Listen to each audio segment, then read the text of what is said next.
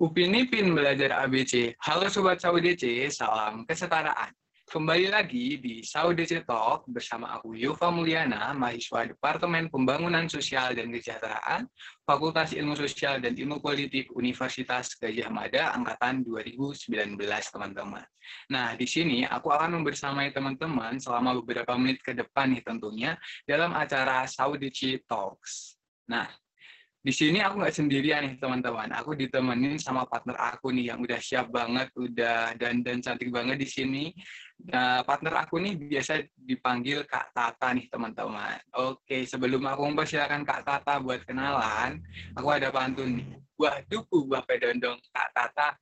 Yuk kenalan dong. Silakan Kak Tata untuk kenalan okay. sama Oke, terima kasih Kak Yova. Halo teman-teman semua, perkenalkan namaku Yanuarga Lalita Dwi Utami, biasa dipanggil Tata. Aku mahasiswa semester 5 dari Fakultas Teknologi Pertanian angkatan 2019. Nah, gitu. Oke, salam kenal Kak Tata. Oke, Gimana nih kabarnya teman-teman? Semoga teman-teman dalam keadaan sehat dan tetap semangat dong ya tentunya, meskipun di tengah kondisi pandemi COVID-19 seperti saat ini. Dan jangan lupa teman-teman untuk selalu mematuhi protokol kesehatan di mana pun teman-teman berada, agar teman-teman dapat terhindar dari uh, paparan virus corona gitu teman-teman. Pastinya dong. Nah, teman-teman di rumah juga harus eh, selalu jaga kesehatan dan jangan lupa bahagia. Dan tentunya jangan lupain 5M-nya, yaitu memakai masker, mencuci tangan, menjaga jarak, menjauhi kerumunan, dan mengurangi mobilitas. Jadi kalau nggak ada kepentingan yang mendesak banget, nggak usah ke mana-mana dulu. Liburannya ditahan dulu dan di rumah aja. Iya, bener banget tuh Kak Tata. Oke, tadi kan aku udah nanya gimana kabarnya teman-teman kan. Nah, aku juga kepo dong sama gimana kabar Kak Tata hari ini. Apakah ceria, semangat, dan sekarang mungkin Kak Tata juga lagi di mana gitu Kak? Silakan Kak Tata. Oke, alhamdulillah aku baik-baik saja, bahagia, ceria, dan sehat gitu. Semoga uh, kita sama-sama dihindarkan dari virus yang sekarang lagi marak banget ya, lagi tinggi-tingginya virus COVID-19. Dan aku kebetulan sekarang lagi di rumah aja di Jogja nih. Nah, kalau Kak Yuva gimana nih kabarnya? Apakah sehat atau ada yang uh, sakit atau gimana? Dan sekarang lagi ada di mana nih? Oke, alhamdulillah aku sama kayak Kak Tata tadi juga pastinya sehat dan semangat banget buat membersamai teman-teman selama beberapa menit ke depan ini di Saudi Talk hari ini. Terus aku sekarang lagi di rumah aja nih Kak. Dari semenjak awal pandemi kemarin sampai sekarang masih di kampung di Karanganyar, Jawa Tengah gitu Kak. Di sini masih adem-adem gitu Kak karena pagi. Oke, by the way, di podcast kali ini tentunya kita akan membahas uh, topik yang sangat menarik banget nih teman-teman dan tentunya nggak kalah keren sama podcast Saudi Talk sebelumnya. Kali ini kita akan berbincang dan sharing bareng salah satu teman mitra yang sedang menempuh pendidikan di Fakultas Hukum Universitas Gajah Mada. Wah, kira-kira teman-teman yang ada di rumah pada penasaran nggak sih ini siapa ya yang jadi narasumber Saudi Zetok kali ini? Nah, tanpa berlama-lama lagi, langsung saja kita sambut bersama-sama teman netra kita yaitu Kak Alexander Farel. Halo Kak Farel, apa sudah di sana? Boleh dong kenalan dulu sama teman-teman yang ada di rumah. Oke, halo teman-teman semua, kenalin Aku Alexander Farel Rasendria Haryono, biasa dipanggil Farel dari Fakultas Hukum Angkatan 2019.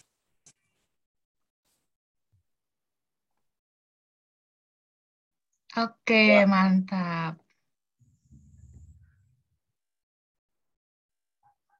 Oke, Kak Farel. Tadi kan Kak Farel cerita kalau Kak Farel itu dari angkatan 2019 gitu, Kak. Nah, Berarti Kak Farel kan udah mencicipi perkuliahan secara offline dan perkuliahan secara online gitu Kak. Nah, uh, mungkin teman-teman di sini juga pada kepo nih Kak.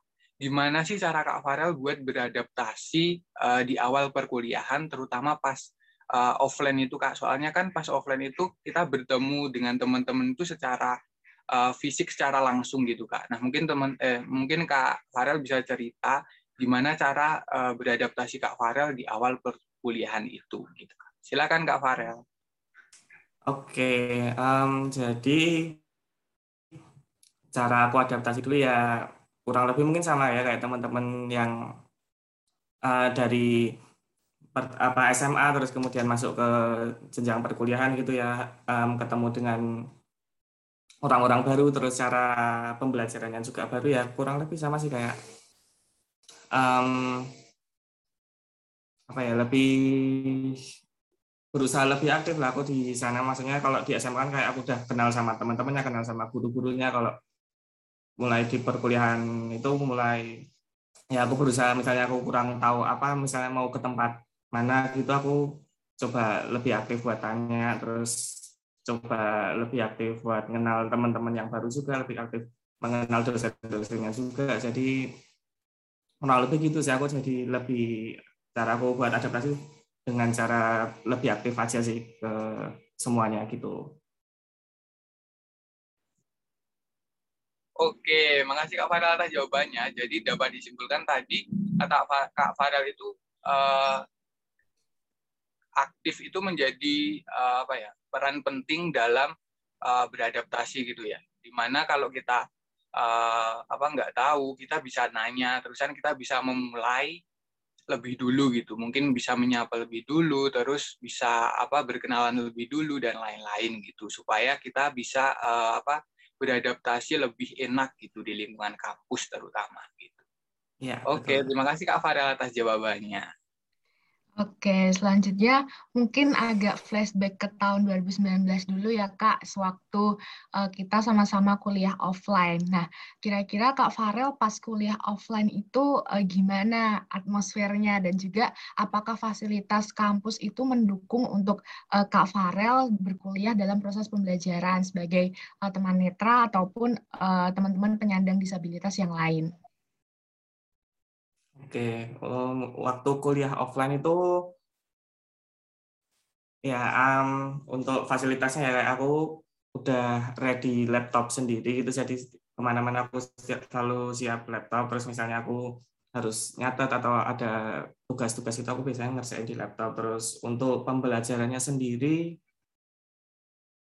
beberapa dosen tuh udah ada yang tahu juga kalau aku tuh difabel gitu ya, jadi mereka juga menyesuaikan cara ngajarnya. Jadi misalnya ada um, yang bentuk visual gitu, misalnya gambar atau grafik atau apa gitu bisa langsung dijelasin gitu. Tapi emang mungkin beberapa ada yang belum tahu juga, jadi kadang masih um, apa ya ada yang kurang clear lah ngajarnya. Tapi aku masih bisa tanya teman-teman sih karena offline ya jadi masih bisa ketemu teman-teman juga. Jadi aku masih bisa ya, komunikasi sama teman-teman di sekitar buat misalnya nanya-nanya misalnya ada soal yang di layar atau apa yang nggak dibacain sama dosennya aku bisa tanya ke teman-teman juga gitu. Jadi waktu offline tuh lebih aku merasa lebih apa ya lebih seru aja karena bisa ketemu teman-teman terus bisa diskusi saya tanya-tanya sama teman-teman juga gitu sih sama offline. Oke, jadi uh, fasilitasnya tergolong mendukung ya, baik dari uh, sisi Kak Farel sendiri ataupun dari dosen-dosen yang ada di fakultas Kakak. Walaupun nggak semuanya uh, tahu, tapi ya setidaknya ada teman-teman yang ready untuk membantu Kak Farel gitu. Oke, ya, mantap. Oke, Yova. Kak Yova boleh dilanjutkan? Oke. Makasih Kak Tata. Oke, menyambung jawaban dari Kak Farel tadi kan katanya kuliah offline tuh lebih seru gitu kan. Kalau uh, bingung bisa langsung nanya sama temen gitu kan. Nah, aku mau nanya nih Kak, kan selama pandemi ini kan perkuliahan itu dilaksanakan secara daring penuh, terutama di UGM. Jadi um, pertemuan secara fisik kan lebih terbatas dan mungkin lebih apa ya? Mungkin lebih sulit gitu. Nah, aku mau nanya dong gimana uh, Kak Farel itu mengalami kendala gitu nggak sih selama mengikuti perkuliahan secara daring ini? Silakan Kak Farel menjawab.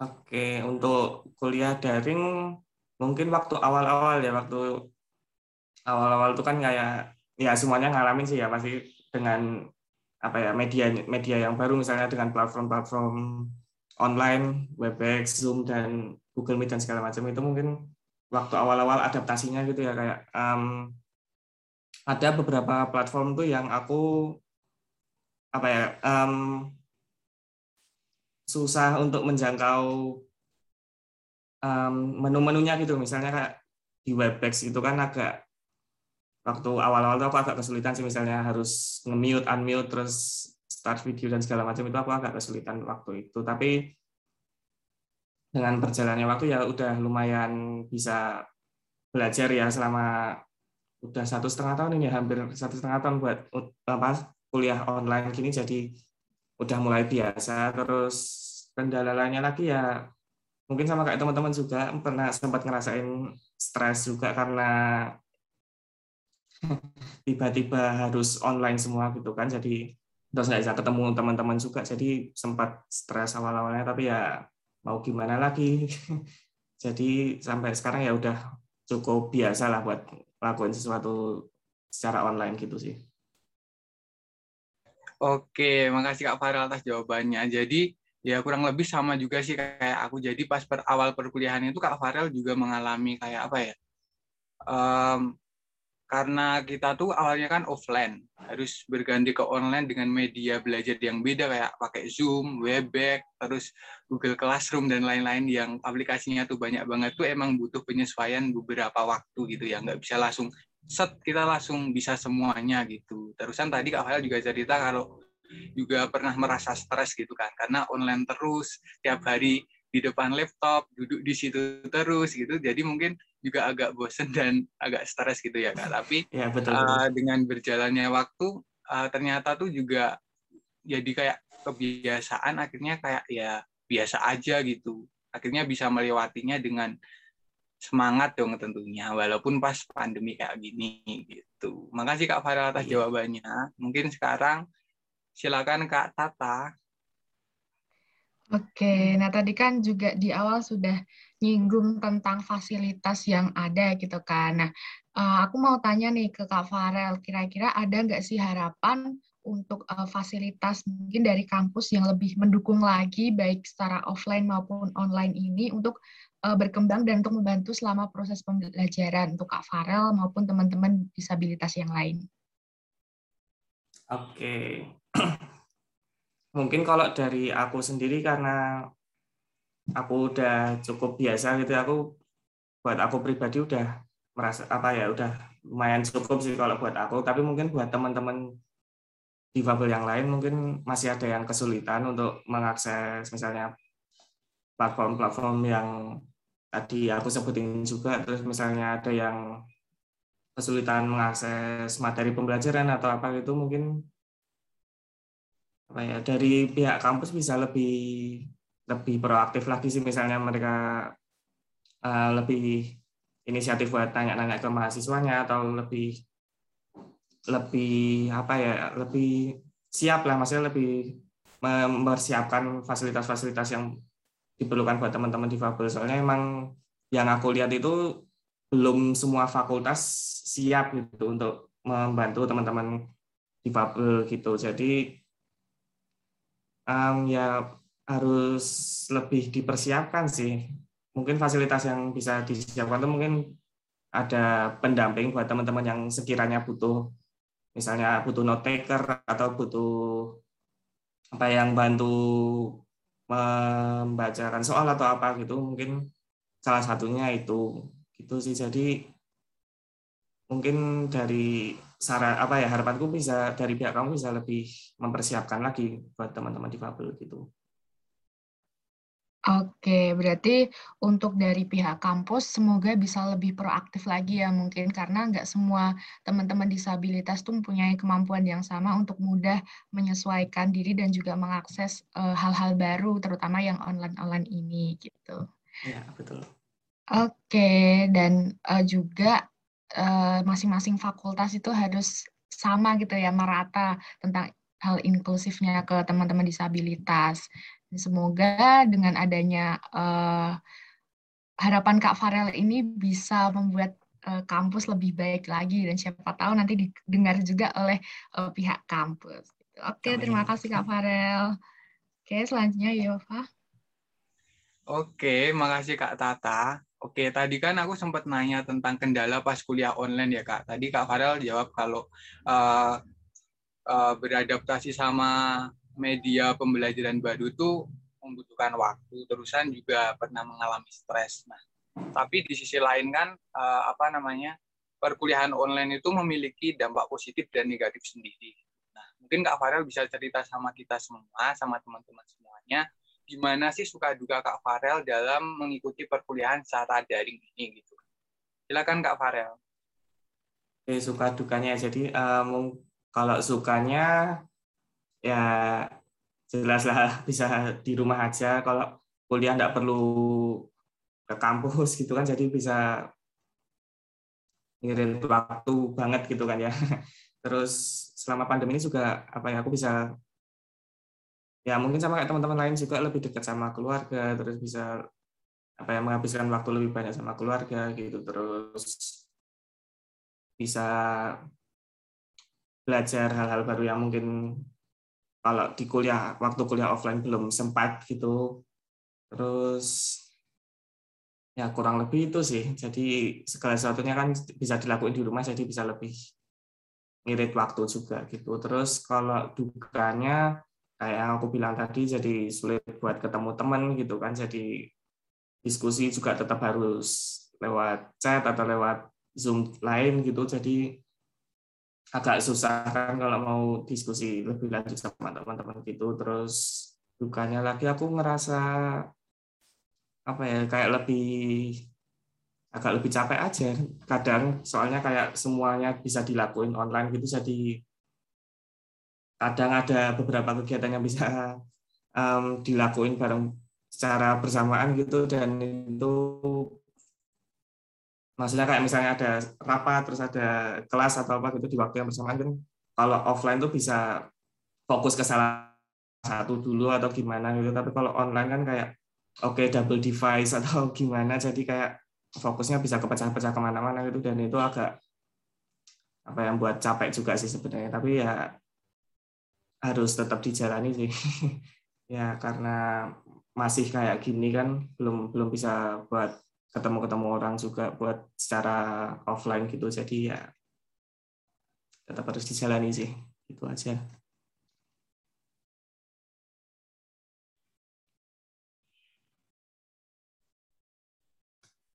Oke, mungkin benar banget ya yang dikatakan sama Kak Farel tadi bahwa uh, kita punya suka duka masing-masing ketika uh, perkuliahan online ini. Dan juga dari Kak Farel tadi capek, stres itu juga jadi hal yang biasa gitu. Kayaknya semua mahasiswa, apalagi kita kayak semester 5 itu udah penuh-penuhnya dan harus uh, benar-benar uh, fighting gitu ya dalam hal perkuliahan. Oke, jadi mungkin lanjut ke pertanyaan selanjutnya aja, Kak.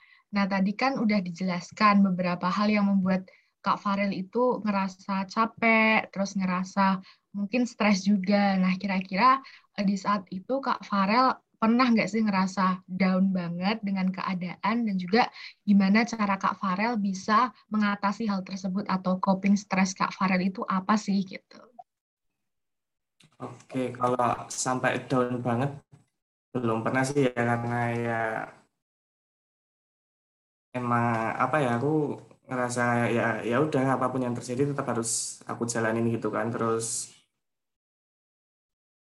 sebenarnya pada dasarnya tuh aku senang stay di rumah juga. Emang apa ya kalau ada kesempatan buat di rumah ya aku fine fine aja gitu. Jadi sebenarnya nggak terlalu apa ya stresnya nggak sampai sestres itu juga gitu loh buat buat stay at home terus gitu. Tapi ya emang kadang ada capeknya juga kayak tadi yang aku cerita tadi. Buat copingnya sih sebenarnya ya aku ngelakuin tetap nyalain waktu buat ngelakuin apa yang aku senang gitu misalnya dengerin musik lah atau baca buku atau nonton video-video gitu jadi aku nyempetin waktu juga di sela-sela mungkin di sela-sela banyak pekerjaan yang harus aku kerjain itu aku tetap nyelain waktu buat ya ngelakuin apa yang aku senang lah buat refreshing refreshing kecil gitu aja sih. Oke, berarti benar ya di tengah-tengah kesibukan kita perlu banget diadakan coping stress atau apa sih yang hal eh, hal-hal yang kita suka kalau Kak Farel tadi senangnya misal dengerin musik dan lain-lain. Nah, itu juga bisa diterapin ke teman-teman semua ketika kita lagi stres, lagi capek, lagi down, kita juga punya coping stres masing-masing, cara mengatasinya masing-masing. Gitu. Oke. Selanjutnya apakah Kak Yufa sudah ada di sana? Sudah, Kak. Oke.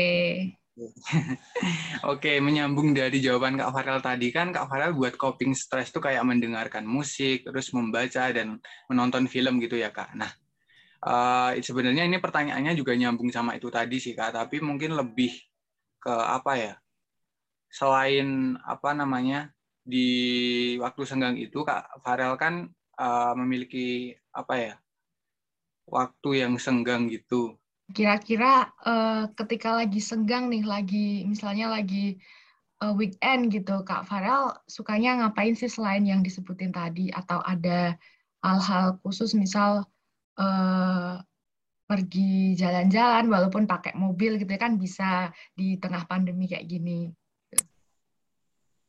Hmm, ya apa ya ya yang aku sebutin tadi aja sih kan dengerin musik terus baca buku nonton video-video di YouTube gitu lah ya mungkin terus apalagi ya paling itu soalnya aku emang nggak terlalu senang jalan-jalan juga jadi ya emang kalau liburan dulu-dulu bahkan pas masih offline itu pas masih masih kuliah offline itu juga aku tetap liburan tetap di rumah aja gitu jadi ya di waktu senggang tetap antara itu itu aja sih tadi terus oh iya aku juga sering cukup sering main game juga di laptop itu game yang khusus buat teman-teman di Fabel Netra gitu kan. Terus yang cuman pakai audio gitu. Terus ngapain lagi ya? Paling itu sih yang paling sering aku lakuin.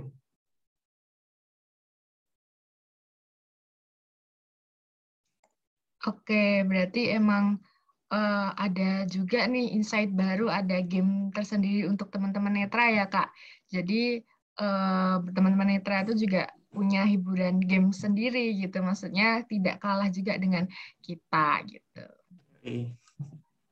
Oke, uh, selanjutnya uh, saya mau nanya nih Kak, kalau nggak salah uh, dengar tuh, aku pernah pernah baca dan dengar juga bahwa uh, ada statement kayak gini, jika seseorang kehilangan salah satu indranya, maka indera yang lain menjadi lebih sensitif atau peka dari orang biasanya. Nah, statement itu tuh benar nggak sih Kak kira-kira dan uh, apakah Kak Farah juga mengalami sendiri hal tersebut? Mungkin bisa diceritakan ke teman-teman.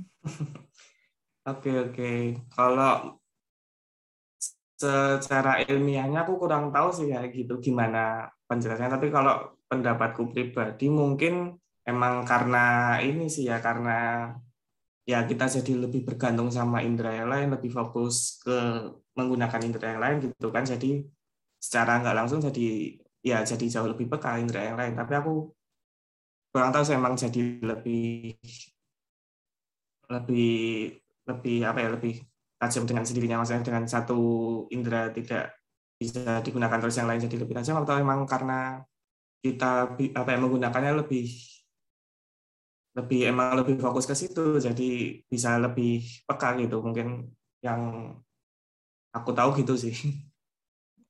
Oke, berarti secara tidak langsung uh, karena uh, indera yang lain lebih difokuskan untuk bekerja, jadi bisa dikatakan lebih peka daripada uh, orang yang lain gitu ya mungkin. Iya. Oke, oke selanjutnya Kak Yova. Oke Kak Farel. Jadi uh, dengan keistimewaan yang Kak Farel miliki, terus tadi kan Kak Farel juga angkatan 2019 kan udah melewati pergian offline dan online gitu kan Kak. Nah, Uh, aku mau nanya dong, gimana sih uh, perilaku teman-teman kakak, terutama di Fakultas Hukum itu sama kakak gitu? Apakah mereka itu bersikap inklusif atau malah eksklusif sama kakak gitu? Mungkin kakak bisa cerita sama teman-teman semua biar teman-teman semua juga bisa menumbuhkan rasa inklusif terhadap teman-teman difabel yang ada di Indonesia gitu kak. Silakan kak Farel.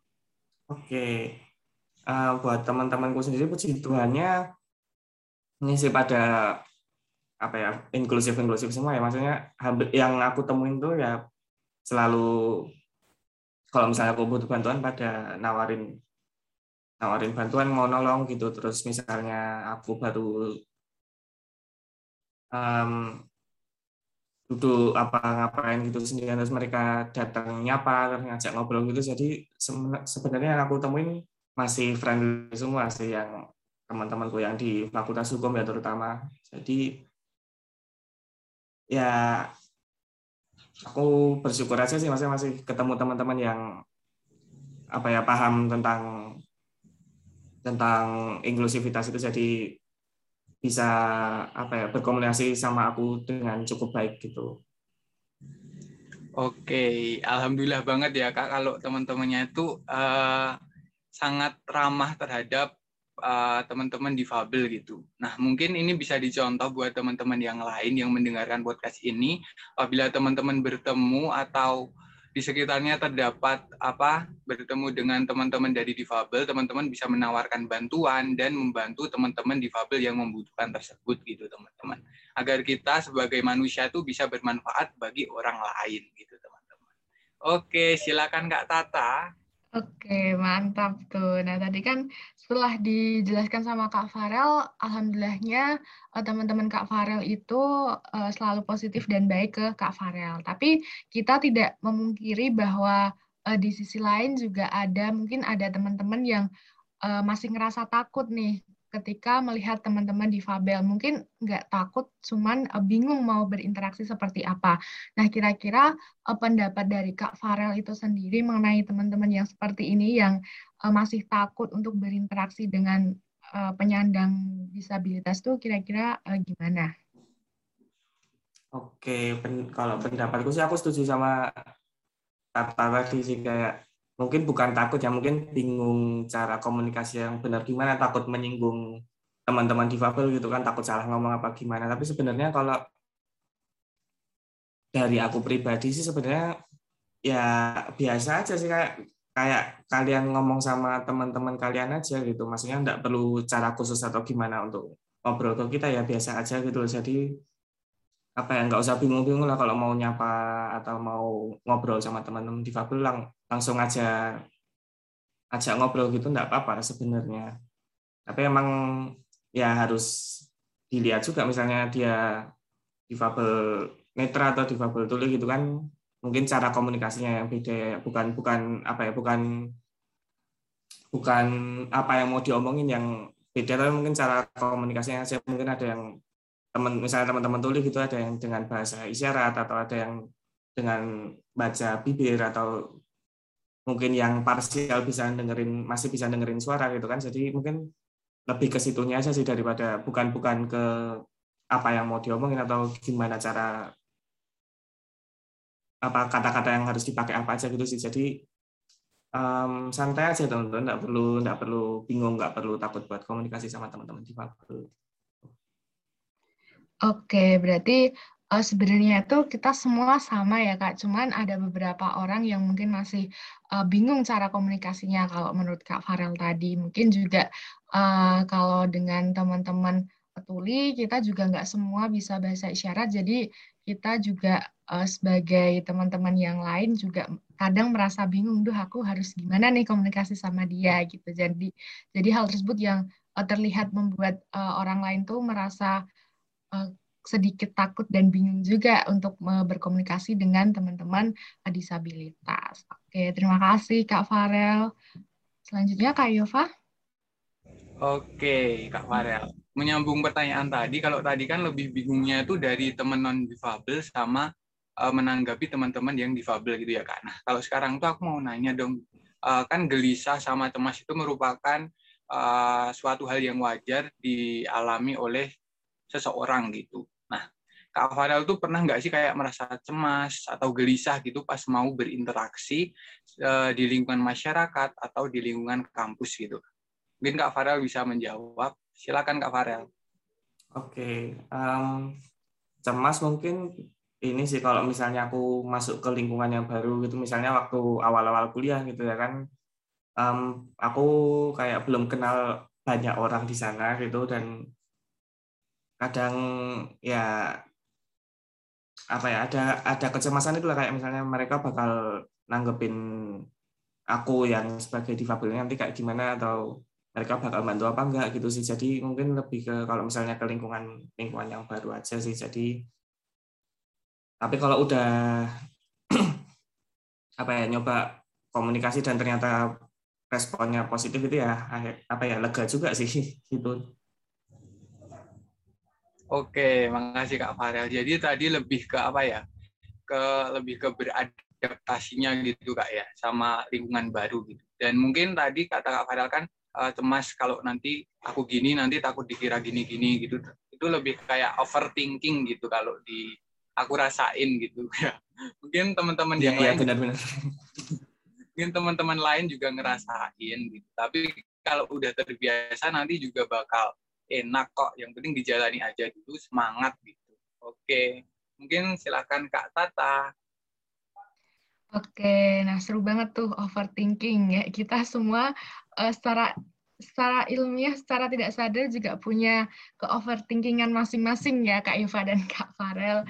Oke, dan uh, selanjutnya nih, uh, kira-kira uh, gimana sih apa uh, saran mungkin Kak Farel bisa memberikan saran untuk teman-teman yang ada di rumah untuk pendengar podcast Audici Talk ini gimana sih cara kita untuk uh, berinteraksi dengan uh, penyandang disabilitas kira-kira apa yang harus kita lakukan untuk membantu uh, penyandang disabilitas khususnya kalau misal uh, Kak Farel bisa dikerucutkan lagi ke yang uh, difabel netra seperti itu. Gimana sih cara kita berkomunikasi yang baik itu gimana?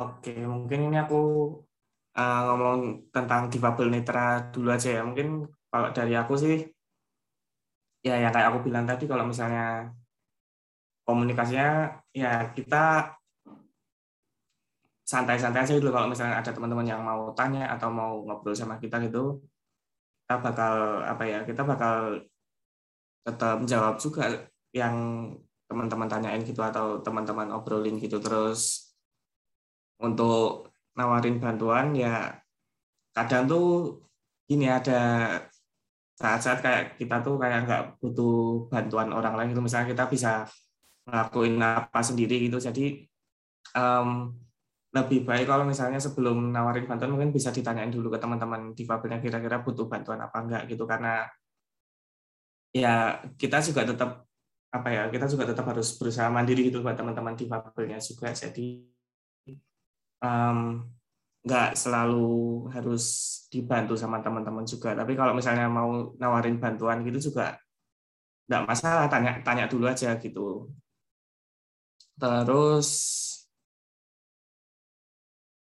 ya mungkin itu sih yang paling penting ya. Jadi sekali lagi jangan takut jangan bingung buat komunikasi sama kita. Oh ya sama ini satu lagi sih. Kalau misalnya ini penting juga sih. Kalau misalnya teman-teman difabel tuh baru sama pendamping atau sama teman yang lain gitu usahain apa ya ajak ngobrolnya tuh lebih ke teman difabelnya gitu. Jangan jangan misalnya nanyain tentang teman difabelnya ke pendampingnya atau gimana itu kan orangnya ada di situ ya kenapa harus nanya ke orang lain gitu loh.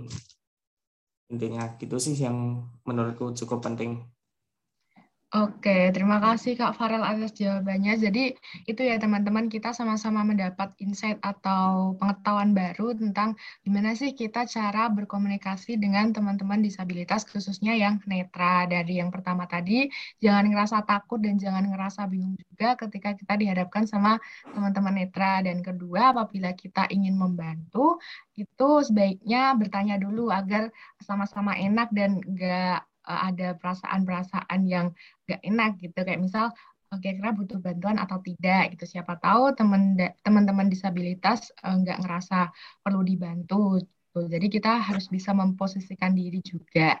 Dan yang ketiga juga kita uh, apabila ada pendamping atau uh, apa ya orang-orang uh, khusus yang mendampingi teman-teman uh, disabilitas itu ketika kita bertemu sebaiknya kita kalau mau ngobrol lebih baik ke teman disabilitas disabilitasnya langsung gitu tanpa perantara kalau memungkinkan. Oke, mantap nih. Selanjutnya Yova. Oke, mantap banget tadi tips and trick dari Kak Farel. Dan mungkin ini bisa diterapin sama teman-teman semua ya, di mana pun kalian berada, uh, bisa diterapin tuh triknya dari Kak Farel tadi gitu. Nah, ini pertanyaan terakhir sih Kak dan sebagai penutup gongnya dari Saudi Talk kali ini. Nah, aku mau nanya dong Kak, uh, apa sih harapan atau impian Kak Farel buat teman-teman difabel lain? Mungkin Kak Farel mau memberikan semangat supaya uh, teman-teman difabel itu tetap apa ya optimis dan tetap uh, semangat tentunya di tengah pandemi COVID-19 ini gitu Kak. Silakan Kak Farel.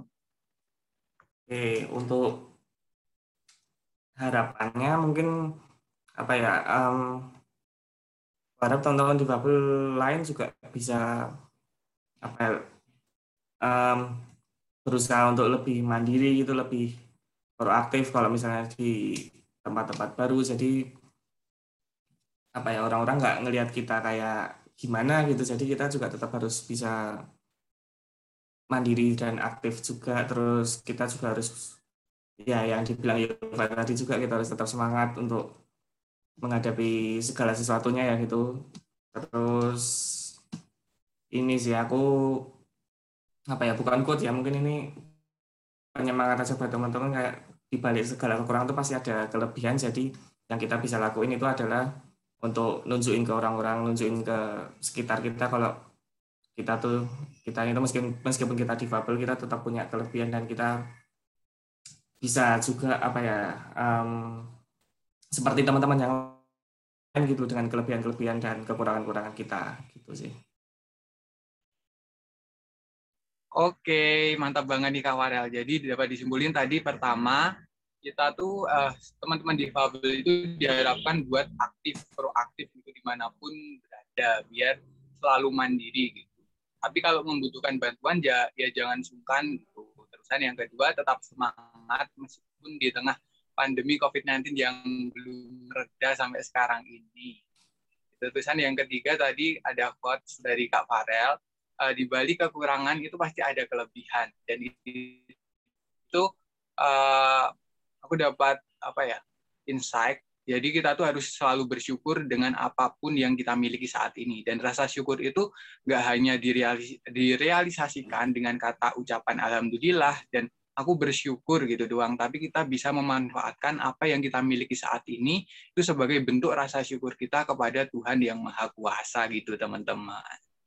Oke, silakan Kak Tata. Oke, mantap banget nih dari obrolan-obrolan kita beberapa menit ini uh, dapat insight baru dan juga kita dapat apa ya pencerahan bahwa kita harus senantiasa bersyukur juga atas apa yang kita miliki saat ini apalagi uh, di dalam kondisi pandemi ini ya yang kita sejujurnya juga sama-sama susah gitu dalam uh, hal mungkin kuliah ataupun hal yang lain. Nah, tidak terasa sekali waktu sudah bergulir secara cepat dan sudah semakin lama juga kita berbincang-bincang. Eh, keren banget pokoknya Kak Farel ini sebagai teman netra yang mempunyai semangat dan motivasi yang tinggi juga dalam berkuliah dan menjalani kehidupan yang lain. Dan semoga apa yang diharapkan sama Kak Farel dapat terwujud dan kita semua bantu aminkan bersama-sama. Amin.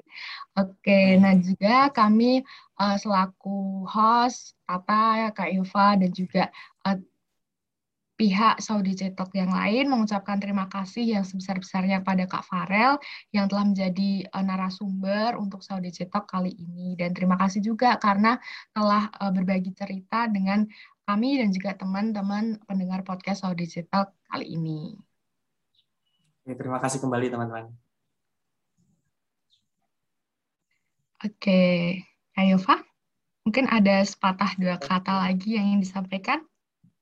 Oke, Oke, suaraku terdengar nggak kak ini? Masuk, masuk. Oke. Oke. Oke, semoga cerita dari Kak Farel tadi dapat memberikan insight baru buat teman-teman semua dan tentunya bermanfaat buat kehidupan kita ke depannya ya teman-teman. Oh ya, aku sebagai host dan uh, Tata sebagai host dalam podcast Saudi Digital hari ini ingin memohon maaf apabila kami selama memandu acara masih terdapat banyak kekurangan yang disengaja maupun tidak disengaja dan kurang berkenan di hati teman-teman semua maupun Kak Farel sendiri. Terima kasih juga kepada seluruh pendengar setiap podcast Saudi Cetak di mana pun kalian berada. Tetap semangat, jaga kesehatan, dan patuhi protokol kesehatan. Dan mari wujudkan Indonesia yang lebih inklusif. Akhir kata, aku Yuva dan partner aku. Tata. Pamit undur diri. Oke, aku ada pantun nih sebelum kita tutup. Ke Tanah Abang sambil motoran, beli daging merah warnanya. Sampai jumpa teman-teman di Saudi Talk berikutnya. Bye-bye. Salam Bye. kesetaraan. Salam kesetaraan.